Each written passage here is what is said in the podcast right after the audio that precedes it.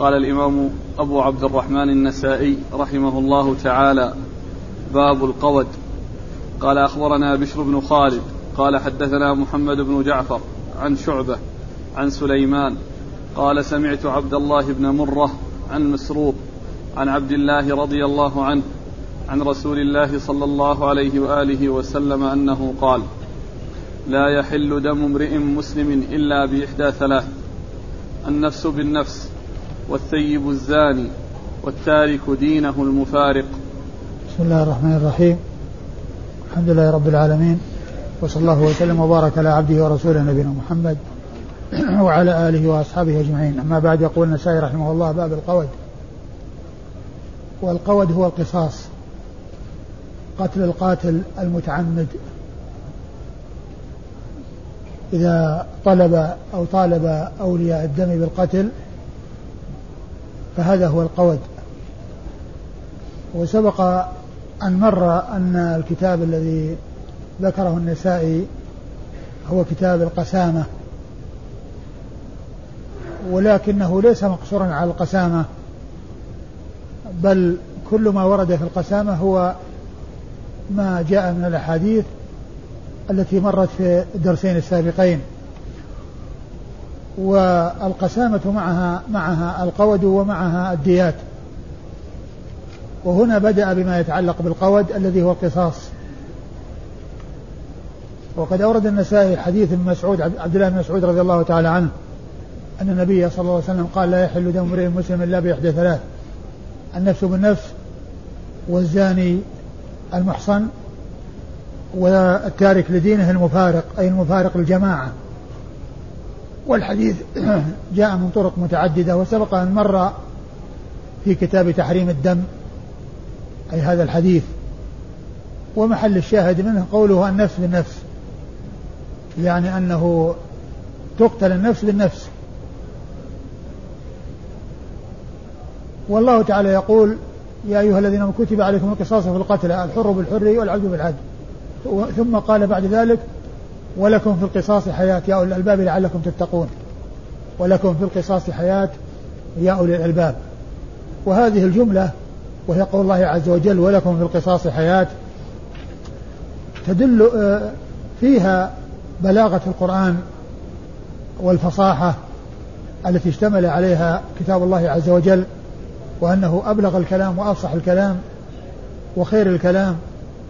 فهي جملة دالة على أن القصاص فيه حياة وفيه إبقاء على النفوس لأن الإنسان إذا عرف أنه سيقتل إذا قتل فإنه يكف عن القتل فيكون بذلك مبقيا على حياته على حياة من يريد أن يقتله ومبقيا على حياته لأنه إذا عرف أنه سيقتل إذا قتل يمتنع عن القتل. ما دام أنه هو نفسه سيقتل إذا قتل فيمتنع عن القتل فيكون القصاص فيه حياة أي سبب للحياة وحياة الأمم. لأنه إذا قتل شخص قاتل لأنه قتل نفسا بغير حق فإن الذي فإن غيره ينزجر عن القتل.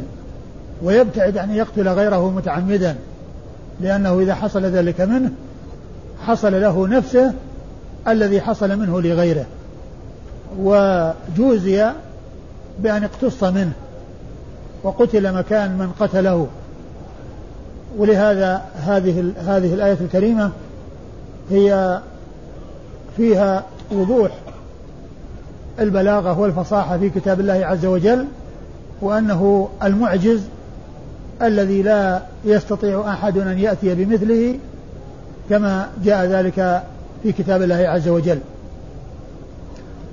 وهناك كلمة مشهورة في علم البلاغة يعني آه، يذكرها يذكرها البلاغيون لبيان بلاغة القرآن وفصاحته وأن ذلك الكلام القليل الذي عند العرب أن هذه الجملة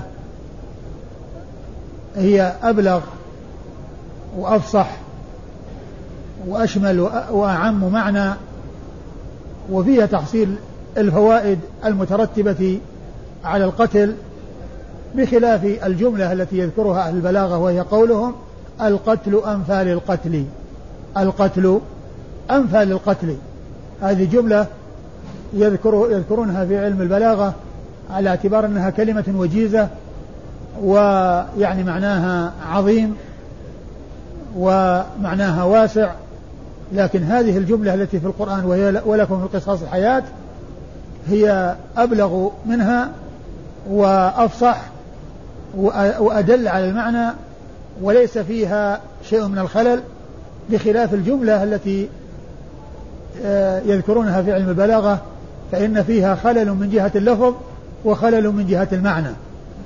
خلل من جهة اللفظ وخلل من جهة المعنى. هذه الجملة.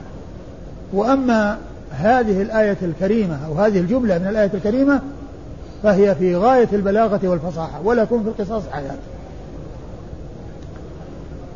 آه ولكم في القصاص حياة. أولا عبر بالقصاص ما عبر بالقتل. لأنه القتل أنواع. فيه قتل عدوان وفي قتل قصاص. وهنا جاء التعبير بالقصاص ما جاء بكلمة القتل التي يكون فيها قتل بحق وقتل بغير حق. هنا قصاص. ثم أتى بالنتيجة وهي الحياة ولكم في القصاص حياة. يعني يترتب على هذا القصاص حياة الناس لأن القاتل إذا عرف أنه سيقتل كف عن قتل غيره إبقاء على حياته. فصار أو حصل نتيجة لذلك حياته الإبقاء على حياته وحياة غيره. ثم لو حصل منه القتل ثم قتل فإن غيره ينزجر ويرتدع ويعلم بأن مصيره سيصير مصير. هذا الشخص الذي قتل لأنه قتل. أما الجملة التي يذكرونها في علم البلاغة وهي القتل أنفال القتل فكما قلت فيها خلل من جهتين خلل من جهة المعنى وخلل من جهة اللفظ. أما الخلل من جهة اللفظ فإنها كلمة مكونة من ثلاث كلمات ومع ذلك فيها تكرار. لأن القتل جاءت مرتين وهذا من عيوب الكلام. القتل أنفى للقتل. يعني معناه تكررت الكلمة مرتين مع أنها كلها ثلاث كلمات. ومع ذلك جاء التكرار فيها مع قلة كلماتها. والتكرار يعني في مثل هذا لا شك أنه عيب. هذا نقص من جهة المعنى من جهة اللفظ. أما من جهة المعنى فليس كل قتل أنفى للقتل بل من القتل ما يكون سببا للقتل. ليس كل قتل أنفى للقتل بل من القتل ما يكون سببا للقتل. وذلك أن التعبير بالقتل فيه قتل بحق وقتل بباطل. والذي هو ينفي القتل هو القتل بحق اللي هو القصاص فالتعبير في القرآن جاء القصاص وما جاء القتل. وجاء ذكر الحياة التي هي التي هي التي يترتب عليها أو تترتب على القصاص وعلى حصول القصاص. الإبقاء على الحياة. الإبقاء على الحياة. إذا هذه الجملة التي هي يعني تعتبر من أقصر الكلام ومما يعني آآ آآ وأنها وجيزة جدا لم تسلم من الخلل اللفظي ولم تسلم من الخلل المعنوي. وقد عرفنا الخلل اللفظي وأنه تكرار والخلل المعنوي وهو أن القتل أنه ليس كل قتل أنفى القتل بل من القتل ما يكون سببا للقتل. وكل هذا سلمت منه هذه الجملة في كتاب الله عز وجل ولكم في القصاص حياة لأنه عبر بالقصاص وما عبر بالقتل. وعبر بالحياة التي هي التي ترتب على القصاص وعلى قتل النفس بالنفس. وقد حديث ابن مسعود النفس بالنفس وهذا هو المقصود من الترجمة. أو محل الشاهد من الترجمة للترجمة. النفس بالنفس. والزاني المحصن. والزاني المحصن. فإنه يقتل رجما بالحجارة وليس ضربا بالسيف وإنما رجما بالحجارة. كما جاء ذلك في سنة الرسول صلى الله عليه وسلم وكما جاء في الآية التي نسخ لفظها وبقي حكمها. نسخ, نسخ لفظها من التلاوة وبقي حكمها وهو الرجم. وهذا إذا كان محصنا يعني متزوجا سبق أن تزوج. وليس معنى ذلك أنه يعني الزوجية قائمة الزوجية قائمة وإنما المقصود من ذلك أن الزواج قد حصل وأنه قد حصلت له هذه النعمة وهذه الفائدة ومع, ومع ذلك أتى لهذا الأمر المحرم فإن حكمه الرجم. أما إذا كان بكرا ولم يكن قد حصل منه الزواج فإن حده الجلد مئة وتغريب عام. كما جاء الجلد في أول سورة النور وجاء التغريب في سنة رسول الله صلى الله عليه وسلم بالإضافة إلى الجلد. وإنما جاء أو صار الحكم في الزاني المحسن أنه يرجم بالحجارة ذلك لأن الجسد كله تلذذ يعني بهذه اللذة التي استحق بها القتل. فكانت العقوبة له أن يرمى بالحجارة وتأتيه الحجارة من كل جانب لأن الجسد كله تلذذ بالجماع وبإتيان الفاحشة فتكون العقوبة القتل بهذه الطريقة. وقطع السارق لأن اليد التي سرقت قطعت. اليد التي سرقت وحصل بها مباشرة الأمر الحرام حصل لها القطع. فهذا لما كانت اللذة حصلت للجسد كله صارت العقوبة أنه يرجم بالحجارة ويأتيه تأتي الحجارة من كل جانب لأن الجسم كله قد تلذذ وحصل له لذة هذه اللذة المحرمة فعوقب عليها بهذه العقوبة التي هي قتل في شدة و وأنه يكون بالحجارة. والتارك لدينه أي المرتد؟ التارك لدينه المرتد. عن دين الإسلام. الذي ذاق الذي آه، حصلت له هذه النعمة العظيمة التي ليس فوقها نعمة وليس مثلها نعمة وهي نعمة الإسلام ثم اختار الكفر عليها. فإنه يقتل. يستتاب فإن تاب وإلا قتل. المفارق أي المفارق الجماعة لأنه لما ارتد عن دينه خرج عن جماعة المسلمين. وباين جماعة المسلمين ولم يكن من المسلمين بل كان بتركه الدين فارق جماعة المسلمين فلم يكن منهم وكان من الكافرين. فحكمه أنه يستتاب فإن تاب وإلا قتل مرتدا عن دينه. هذه هي الأمور الثلاثة التي جاءت في حديث عبد الله بن مسعود ومحل الشاهد منها للترجمة الحديث الأول وسبق أن مر الحديث في كتاب تحريم الدم آه، في الدروس الماضية. نعم الإسناد. قال أخبرنا بشر بن خالد. أخبرنا بشر بن خالد وهو ثقة أخرج حديثه. البخاري ومسلم وأبو داود النسائي البخاري ومسلم وأبو داود النسائي محمد بن جعفر. عن محمد بن جعفر الملقب غندر البصري وثقة أخرج له أصحاب الكتب الستة. عن شعبة. عن شعبة بالحجاج الواسطي ثم البصري وثقة وصف بأنه أمير المؤمنين في الحديث وحديثه أخرجه أصحاب الكتب الستة. عن سليمان. عن سليمان وهو الأعمش سليمان بن مهران الكاهلي الكوفي ثقة أخرجه أصحاب الكتب الستة. يأتي ذكره باسمه ويأتي ذكره بلقبه الأعمش. وهنا جاء ذكره باسمه غير منسوب. والحديث الذي سبق أن مر في كتاب تحريم الدم جاء بلفظ الأعمش بلقبه. هنا قال عن الأعمش وهنا قال عن سليمان. ومعرفة كنا كنا المحدثين وكنا الرجال فيها فائدة وهي نوع من أنواع علوم الحديث وذلك أن أن الإنسان إذا عرف أن الشخص هذا لقبه لا يلتبس عليه الأمر ويظن أن أنه إذا جاء بالاسم يكون غير غيره إذا جاء باللقب.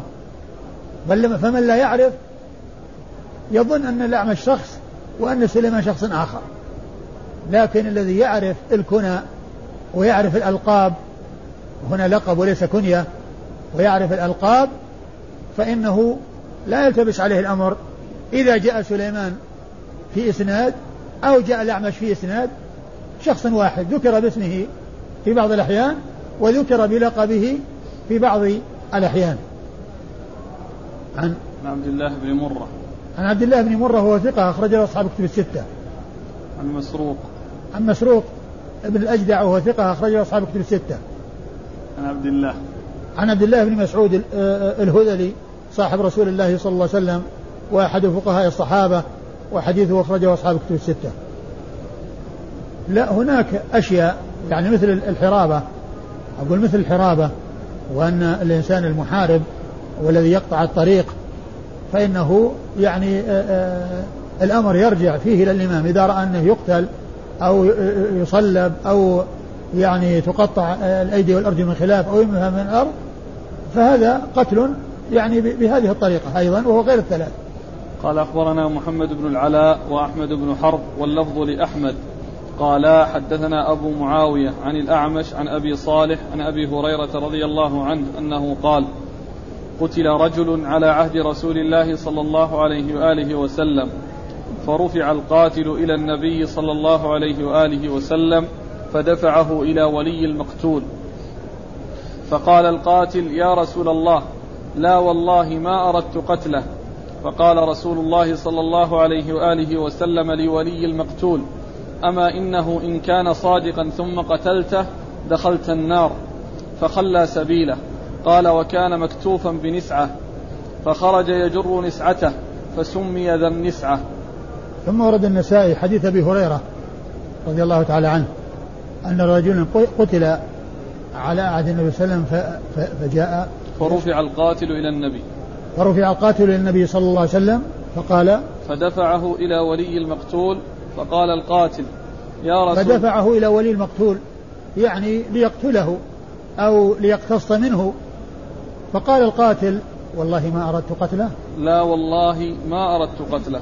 لا والله ما أردت قتله. يعني أنه قتله خطأ ولم يقتله عمدا. أنه قتله خطأ ولم يقتله عمدا.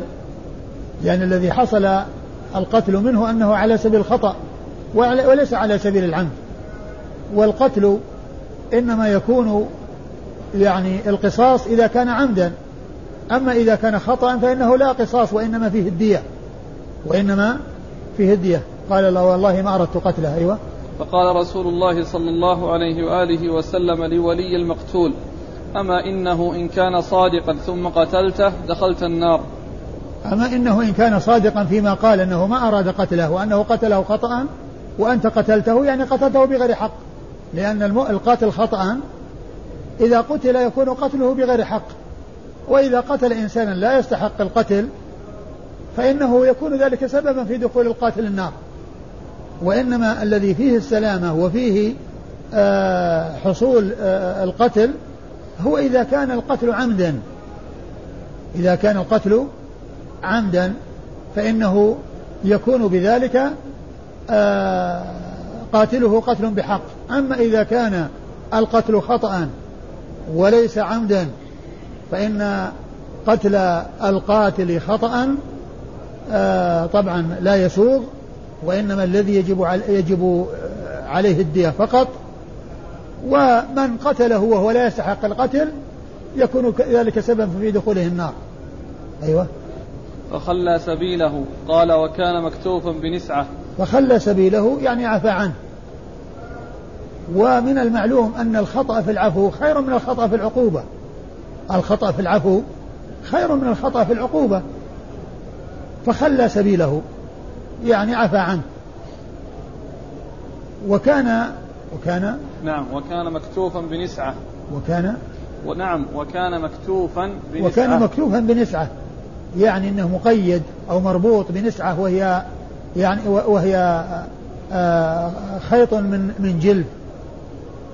مظفور يعني مفتول أو مبروم يعني قد أبرم. فهذه النسعة. وكان فأخذ يجرها. فخرج يجر نسعته. فخرج يجر نسعته. يعني من خلى سبيله وذهب والخيط بيده. الذي كان ماسكا إياه أو يعني آآ آه، آآ آه، مسكه به وجره به. أنه خلاه فجعل يجر هذه النسعة هذا الخيط الذي هو مربوط به. نعم. فسمي ذا النسعة. فسمي ذا النسعة. يعني ل ل ل ل لكونه يجر هذه النسعة التي ذهب بها. وهذا كما يقولون لأدنى مناسبة التسمية أو التلقيب لأدنى مناسبة. وهذه مناسبة. ها؟ لا خلى سبيله صاحب الدم. لأنه خلى سبيله خلاص كان مجوده وبعدين أطلقه. خلى سبيله كان ماسكه بهذه النسعة يجره فيها فخلاه راح يعني يعني يومي بها يعني يعني ما حد ماسكه. ها؟ ما ذك ما تعرض للدية؟ أقول ما تعرض للدية.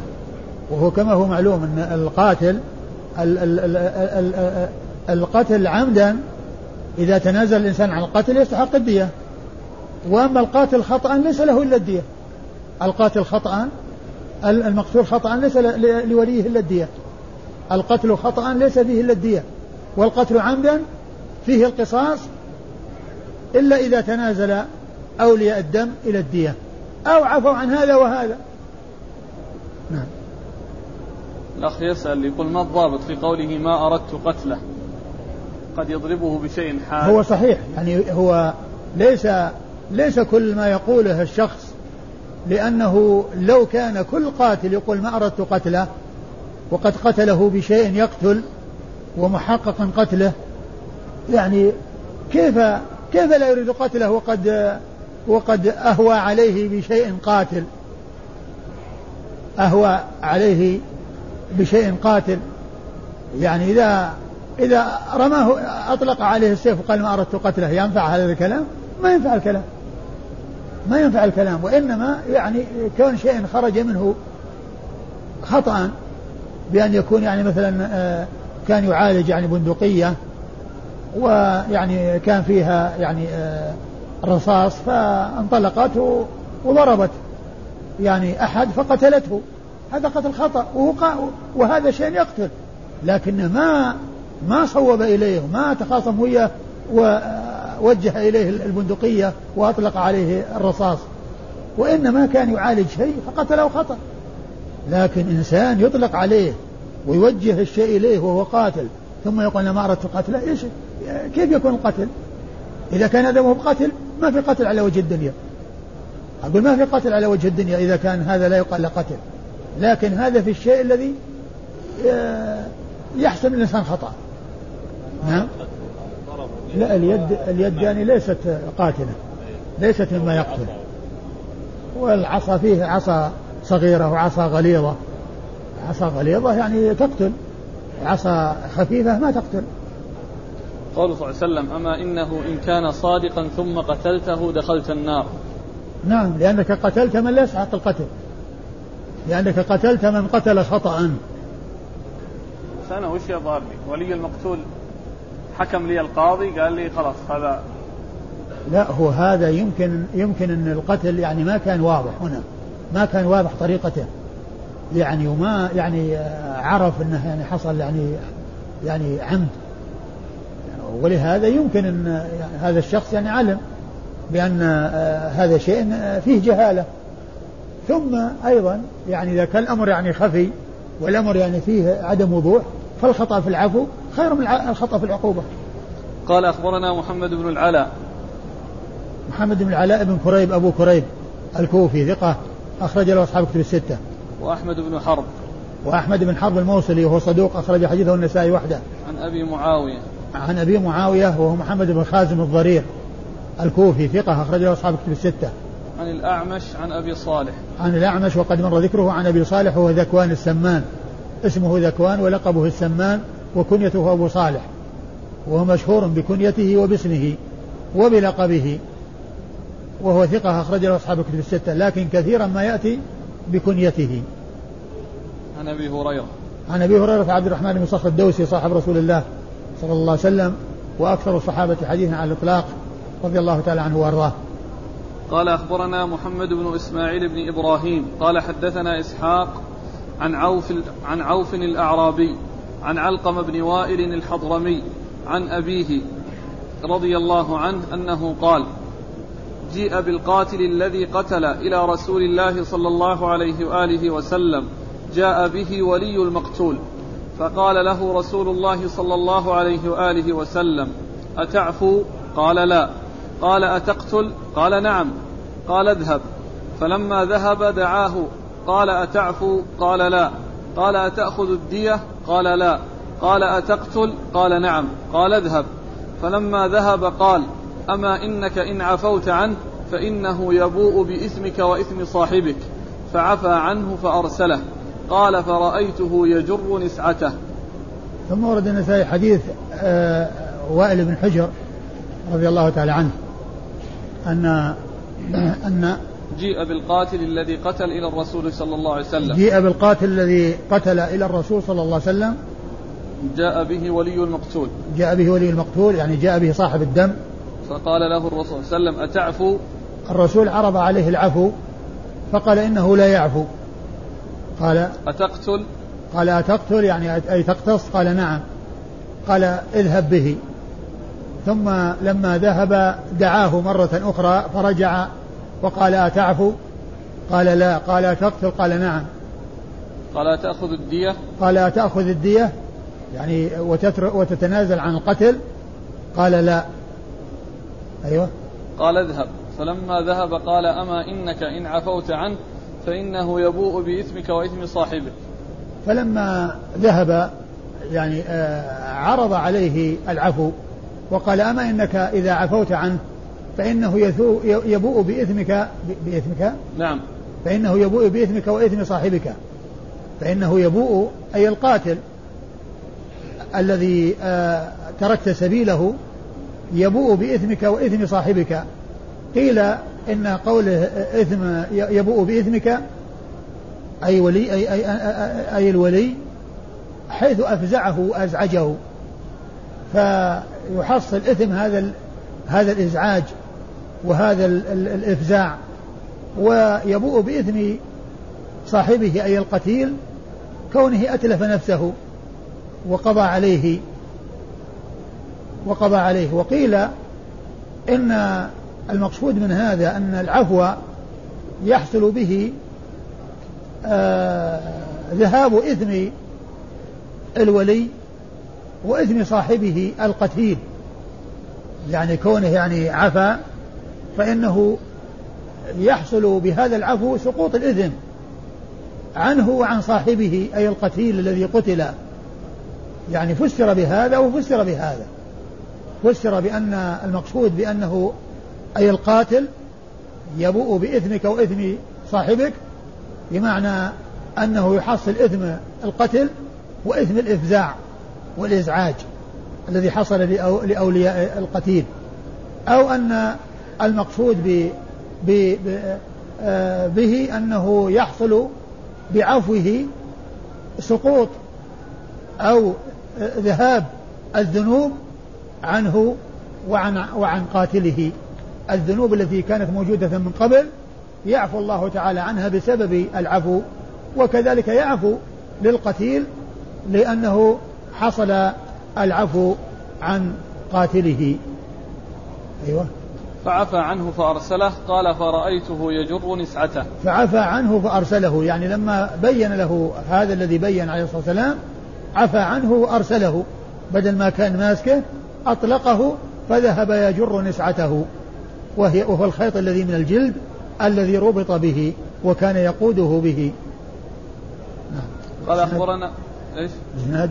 قال أخبرنا محمد بن إسماعيل بن إبراهيم. محمد بن إسماعيل بن إبراهيم ابن مقسم المعروف أبوه بن علية وهو ثقة أخرج له النسائي وحده.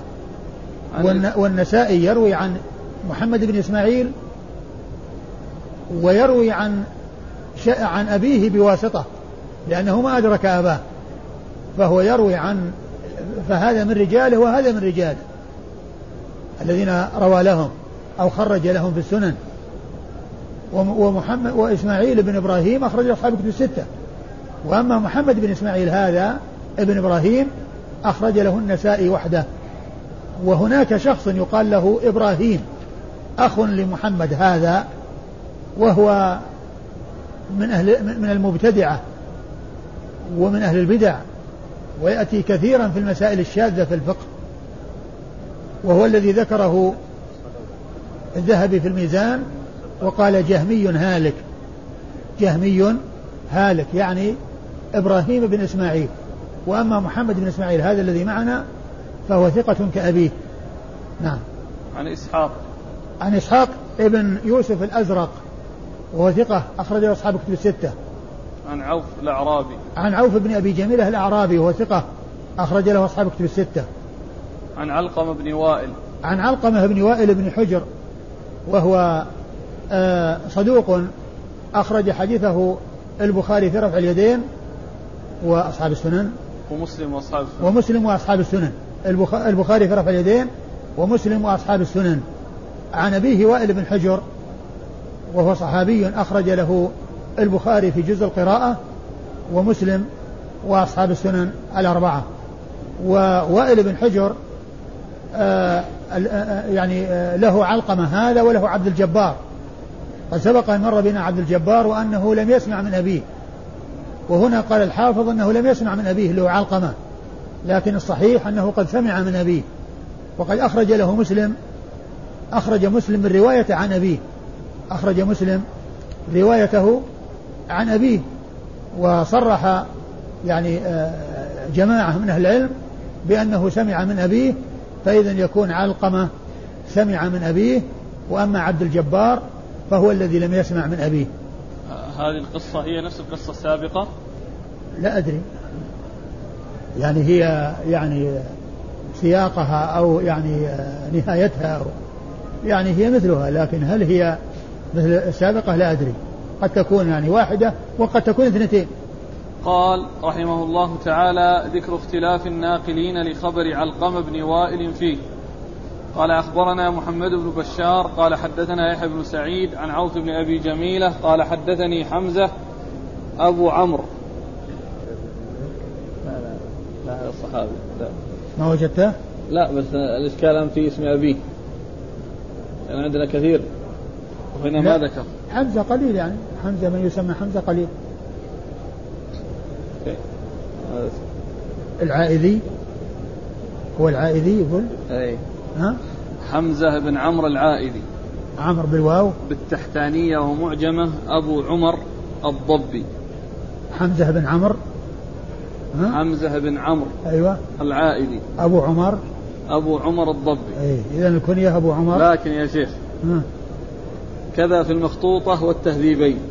ها. وهو الصواب ولكن في الكن راجع الكنى. وفي لام وميم ودال أبو عمرو. وهو خطأ مطبعي.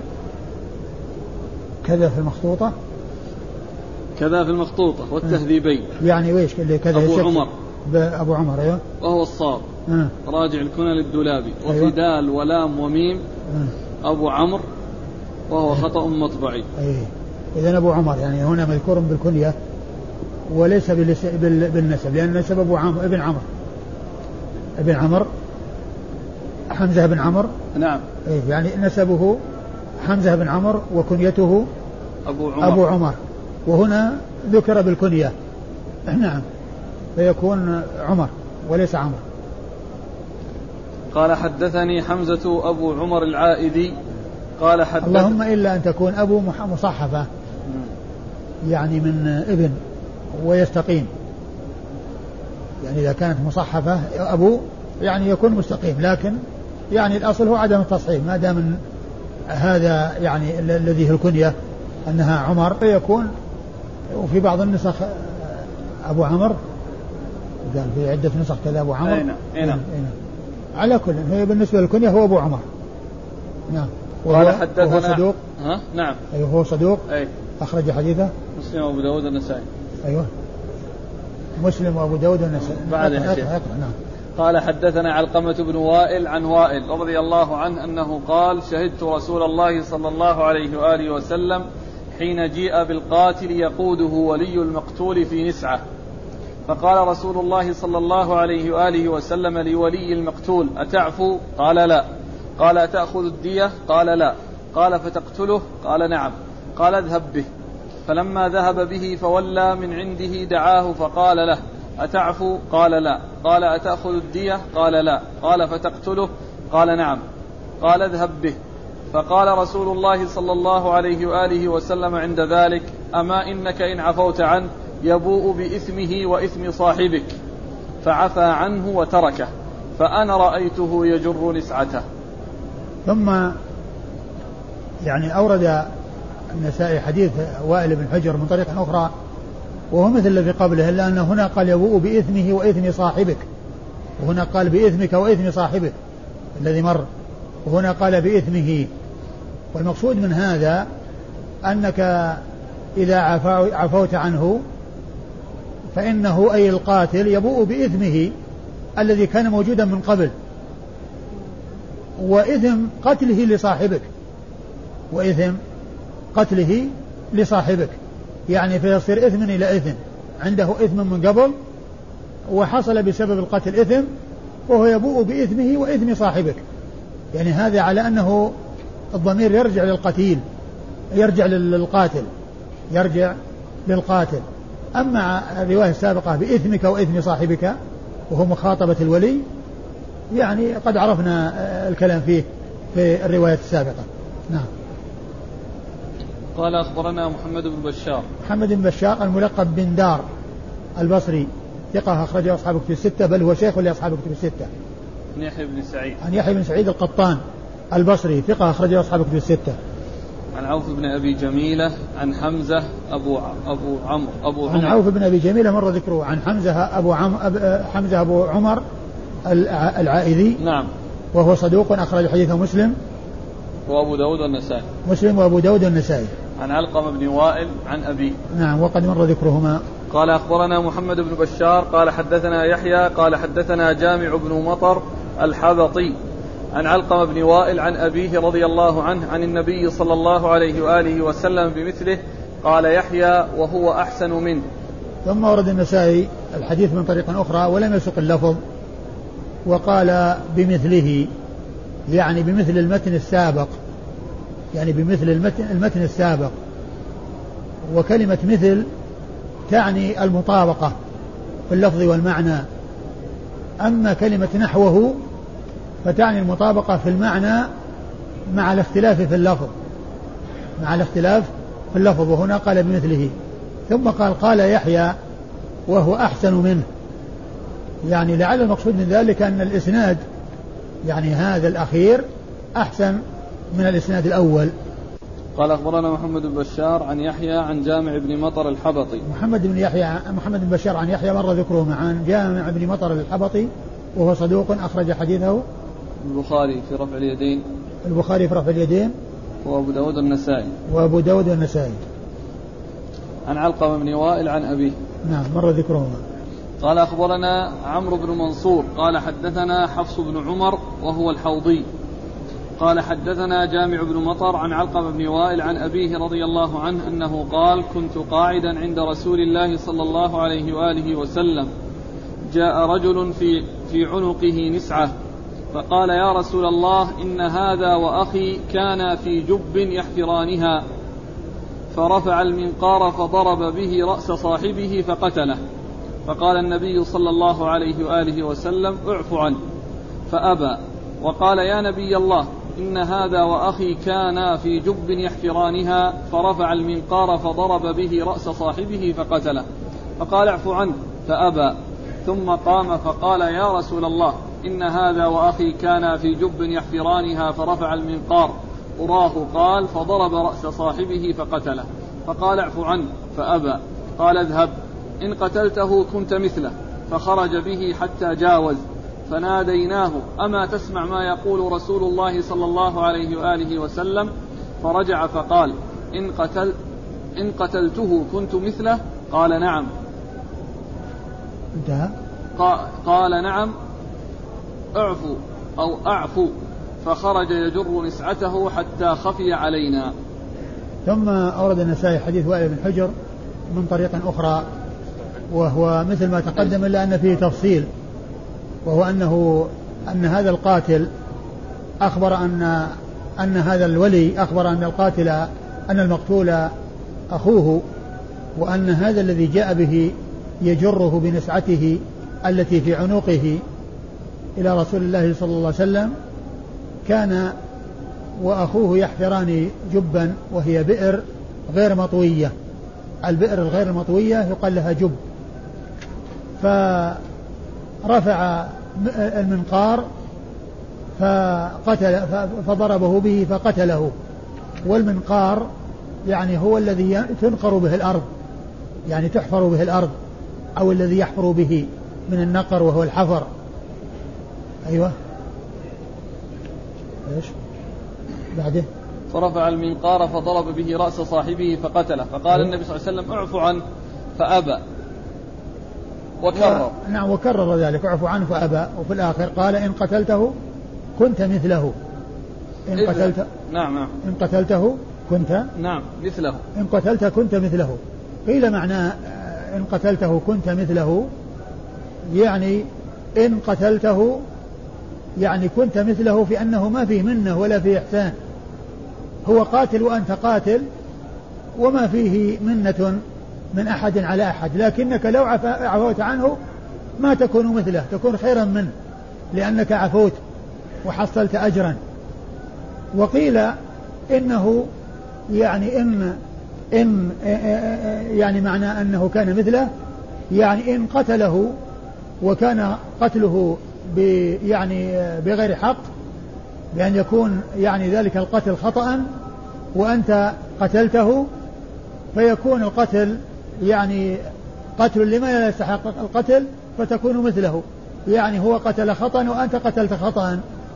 هذه المماثلة إما قيل في هذا أو في هذا. إما أن القضية أنه مثله في أنه يعني ما في منة لأحد على أحد وأنت لو عفوت صار لك منة عليه وفيه أجر عظيم وثواب جزيل. وإن أو ويحتمل أن يكون كنت مثله في أنه يعني كان قاتل لم يقتل عمدا وأنت قتلت من قتل خطأ فتكون أنت مثله أنت قاتل وهو قاتل. أنت قاتل خطأ هو قاتل خطأ وأنت قاتل خطأ أنت أخطأت. لكن الخطأ في العفو خير من الخطأ في العقوبة. يقول فخرج به حتى جاوز فناديناه أما فخرج به حتى جاوز. يعني ما يعني سمع مثله. فأخبروه فقال أنت قلت كذا وكذا؟ قال نعم. فعفى عنه إيش؟ اللي معنا مضبوط يقول فرجع فقال إن قتلته كنت مثله؟ قال نعم, نعم. أيوة. إن قتلته كنت مثله يسأل؟ قال نعم. يعني نفس الكلام اللي قاله أول والناس أخبروه به هو استوضح عنه وقال إن قتلته كنت مثله قال نعم. أيوة. عندنا أعفو. قال أعفو. أعفو نعم. قال أعفو إذا عفوت.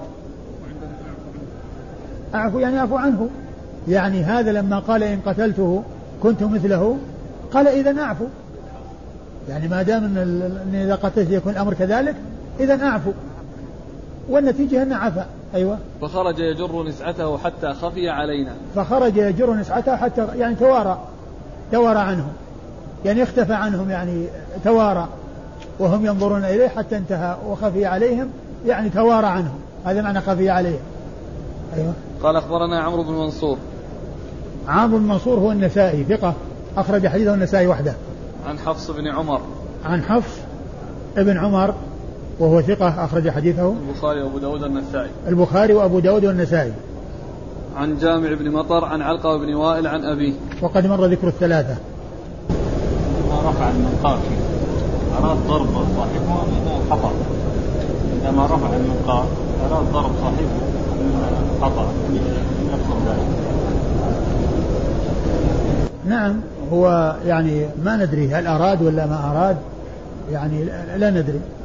قال أخبرنا إسماعيل بن مسعود قال حدثنا خالد قال حدثنا حاتم عن سماك ذكر أن علقمة بن, بن وائل أخبره عن أبيه أنه كان قاعدا عند رسول الله صلى الله عليه وآله وسلم إذ جاء رجل يقود آخر بنسعة فقال يا رسول الله قتل هذا أخي فقال له رسول الله صلى الله عليه وآله وسلم أقتلته؟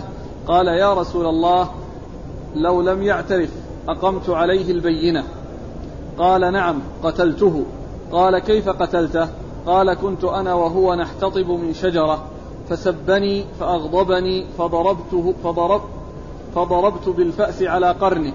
فقال له رسول الله صلى الله عليه وآله وسلم هل لك من مال تؤديه عن نفسك؟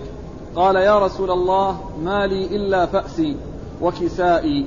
فقال له رسول الله صلى الله عليه وآله وسلم أترى قومك يشترونك؟ قال أنا أهون على قومي من ذاك. فرمى بالنسعة إلى الرجل إلى الرجل فقال دونك صاحبك. فلما ولى قال رسول الله صلى الله عليه وآله وسلم إن قتله فهو مثله.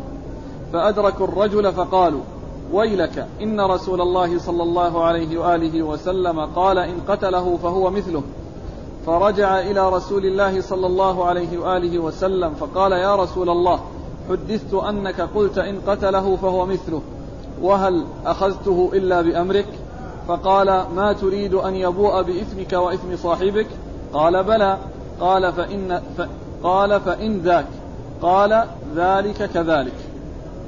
ثم ورد النسائي حديث وائل, وائل بن حجر من طريق أخرى وهو مثل ما تقدم إلا أن فيه اختلاف في القصة.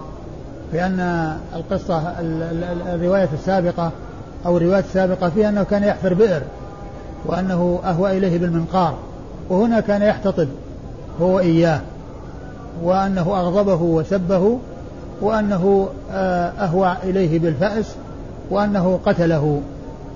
فالسياق هو مثل الأول إلا أن إلا أن فيه هذا الاختلاف من جهة طريقة القتل. وهذا في بئر وهذا كان يحتطب. فيحتمل أن هذه قصة وأن هذه قصة. نعم.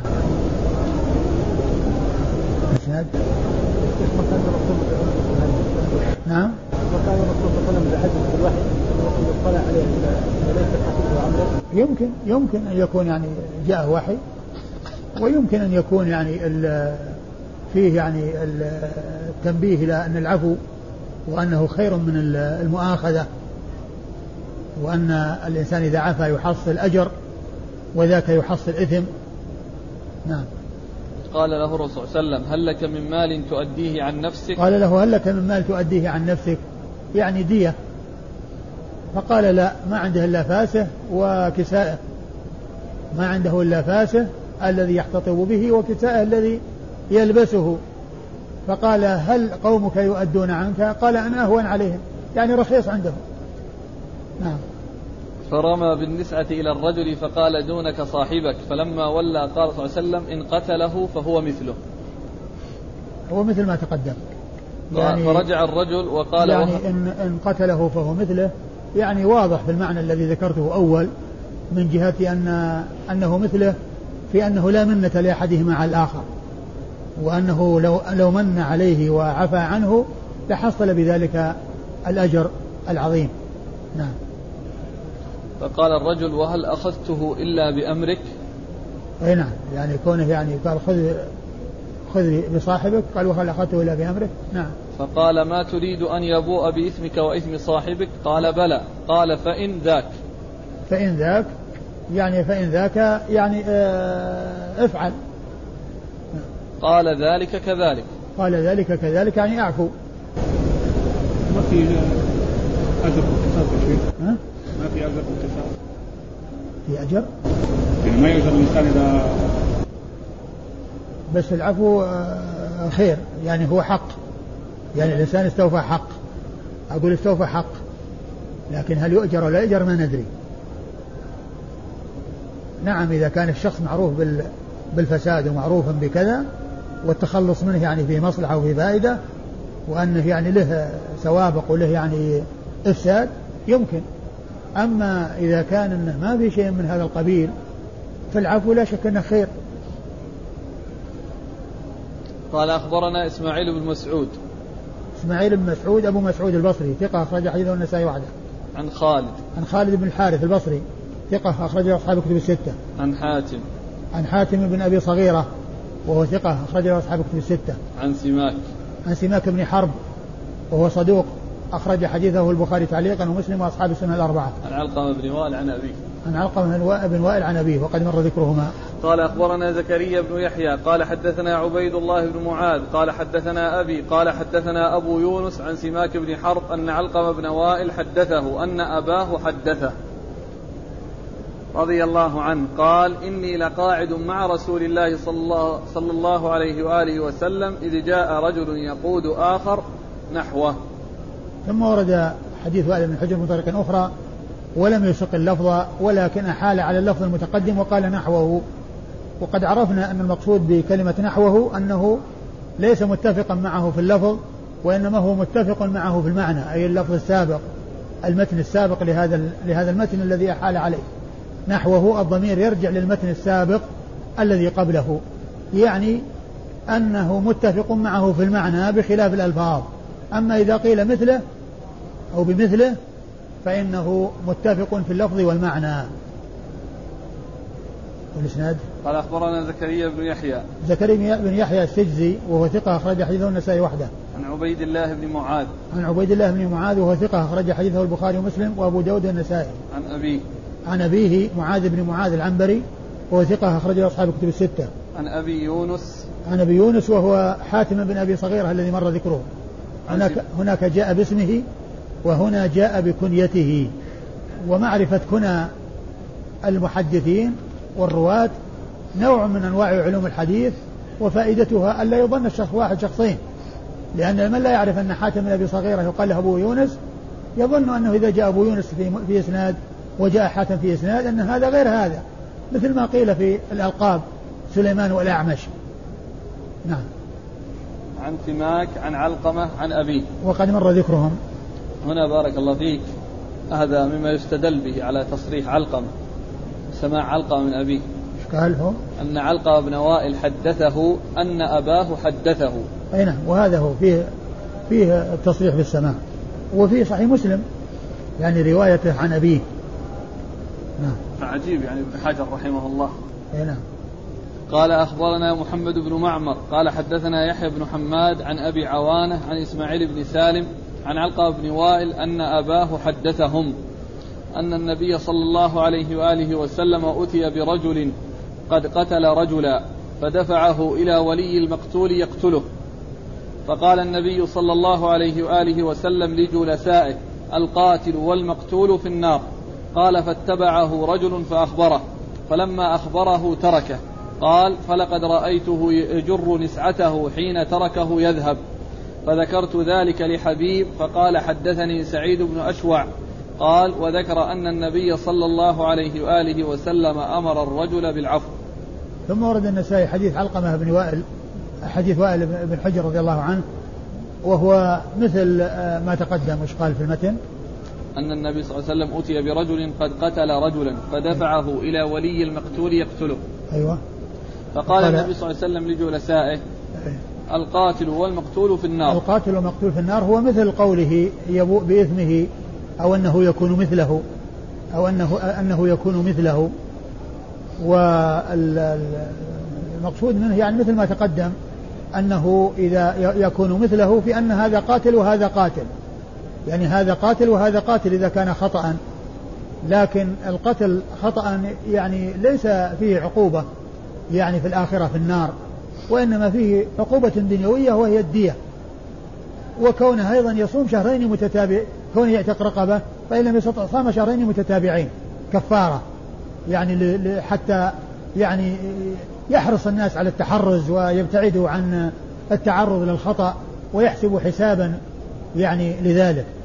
لكن هنا يعني القاتل والمقتول في النار يعني يمكن أن يكون المقصود من ذلك يعني ليس آه إما أن يكون مثل قوله مثله أو يقول يبوء ب ب يعني آه بإثمه وإثمك أو أنه كما قال بعض أهل العلم أنه ليس يقصد هذه هذه القصة وإنما القاتل المقتول في النار الذي كان حريصا على قتل صاحبه. قالوا وأن المقصود من ذلك حتى يدفع يعني ذلك الذي يسمع خطورة الذي يسمع أن أن أن أن أن أن, أن القاتل المقتول في النار أنه يعني يدفعه ذلك إلى العفو نعم إيش بعده؟ فاتبعه رجل فأخبره نعم. فلما أخبره تركه قال فلقد رأيته يجر نسعته حين تركه يذهب فذكرت ذلك لحبيب آه لعل الذي ذكر هذا هو هو إسماعيل بن سالم الذي جاء في الإسناد. نعم وذكرت ذلك لحبيب فقال حدثني سعيد بن أشوع. أيوة. قال وذكر أن النبي صلى الله عليه وآله وسلم أمر الرجل بالعفو. نعم والإسناد؟ قال أخبرنا محمد بن معمر. محمد بن معمر هو البحراني ثقة أو صدوق أخرج حديث أصحاب الكتب الستة بل هو شيخ لأصحاب الكتب الستة. عن يحيى بن حماد. عن يحيى بن حماد وهو ثقة رجل البخاري ومسلم وأبو داود في الناسخ والمنسوخ والترمذي والنسائي أخرج حديث البخاري ثقة أخرج البخاري ومسلم وأبو داود في الناسخ والمنسوخ والترمذي والنسائي وابن ماجه. عن أبي عوان. عن أبي عوان الوضاح بن عبد الله اليشكري وهو ثقة أخرج له أصحاب الكتب الستة. عن إسماعيل بن سالم. عن إسماعيل بن سالم وهو ثقة أخرج له البخاري في الأدب المفرد ومسلم وأبو داود والنسائي. البخاري ثقة أخرج حديث البخاري في الأدب المفرد وأبو داود مسلم ومسلم وأبو داود والنسائي. عن علقة بن وائل عن أبيه. عن علقة بن وائل عن أبيه. ثم قال بعد ذلك في آخر الإسناد فذكرت ذلك لحبيب. الذي قال ذكرت ذلك هو يحيى هو إسماعيل. إسماعيل بن سالم. إسماعيل بن سالم. وحبيب هو بن أبي ثابت. وحبيب هو بن أبي ثابت وهو ثقة يدلس ويرسل وحديثه أخرجه أصحاب الكتب الستة. و شو اسمه قال حدثني سعيد بن أشوع. سعيد بن أشوع سعيد بن عمر بن أشوع وهو صدوق أخرج حديثه البخاري ومسلم والترمذي يعني في في التقريب البخاري ومسلم والترمذي وما ذكر النسائي ومع أنه موجود في هذا الإسناد مع أنه موجود في هذا الإسناد يعني فيكون يعني من رجاله. نعم. ذكر البخاري أي. هو البخاري ومسلم والترمذي. نعم. البخاري ومسلم والترمذي ومع ذلك هو موجود في النسائي هنا. فلا أدري هل هو موجود في الترمذي أو أن أن أن أن التاء يعني بدل السين أو أن السين ساقطة أنه يعني يعني أنها سقط ذكره. أما هو موجود كما هنا. يمكن أن يعلق على نسخة التقريب ويقال انظر الحديث رقم كذا من سنن النسائي فإنه في فيه. أي درجة سعيد. ها؟ درجة. إيش؟ سعيد سعيد. سعيد بن أشوع صدوق. ثقة. أخرج حديث البخاري ومسلم والترمذي والنسائي. أي درجة. أي درجة؟ أي درجة. إيش؟ في أي؟ أي درجة. كيف أي طبقة طبقة طبعا هو من شيوخ من شيوخ حبيب بن أبي ثابت وهو متقدم. ومن شيوخ ومن تلاميذه آه، إسماعيل بن سالم هذا الذي في الإسناد الذي يروي عن علقمة. إسماعيل بن سالم يروي عن علقمة؟ هو قال ذكرت هذا فقال أخبرني آه، خالد خالد بن فذكرت ذلك لحبيب فقال حدثني سعيد بن أشوع. سعيد نعم سعيد بن أشوع. يعني معناه أن يحيى أن إسماعيل بن هذا روى عن علقمة وروى عن حبيب بن أبي ثابت عن آه عن عن إيش؟ آه سعيد بن أشوع يعني في زيادة في العفو ذكر العفو. نعم. قال أخبرنا عيسى بن يونس قال حدثنا ضمرة عن عبد الله بن شوذب عن ثابت البناني عن أنس بن مالك رضي الله عنه أن رجلا أتى بقاتل وليه رسول الله صلى الله عليه وآله وسلم. فقال النبي صلى الله عليه وآله وسلم اعف عنه. فأبى فقال خذ الدية. فأبى قال اذهب فاقتله فإنك مثله. فذهب فلحق فلحق الرجل فقيل له إن رسول الله صلى الله عليه وآله وسلم قال اقتله فإنك مثله. فخلى سبيله فمر بي الرجل وهو يجر نسعته. علقمة؟ إسناد؟ إسناد علقمة؟ لا هذا حديث أنس بن مالك. نعم ثم ورد النسائي حديث أنس بن مالك. ثم ورد النسائي النسائي حديث أنس بن مالك وهو مثل ما تقدم في حديث علقمة ابن وائل حديث وائل بن حجر. فيحتمل أن تكون هي القصة وأنه يعني شهد ما شهده وائل بن حجر. ويحتمل أن تكون قصة أخرى لكن الحكم هو واحد فيها. نعم. قال أخبرنا عيسى بن يونس. عيسى بن يونس بن أبان وهو صدوق ربما أخطأ. صدوق ربما أخطأ أخرج حديثه. النسائي وابن ماجه. أخرج حديثه النسائي وابن ماجه. عن ضمرة. عن ضمرة بن ربيعة الفلسطيني وهو صدوق يهم قليلا. نعم. صدوق يهم قليلا. إيه.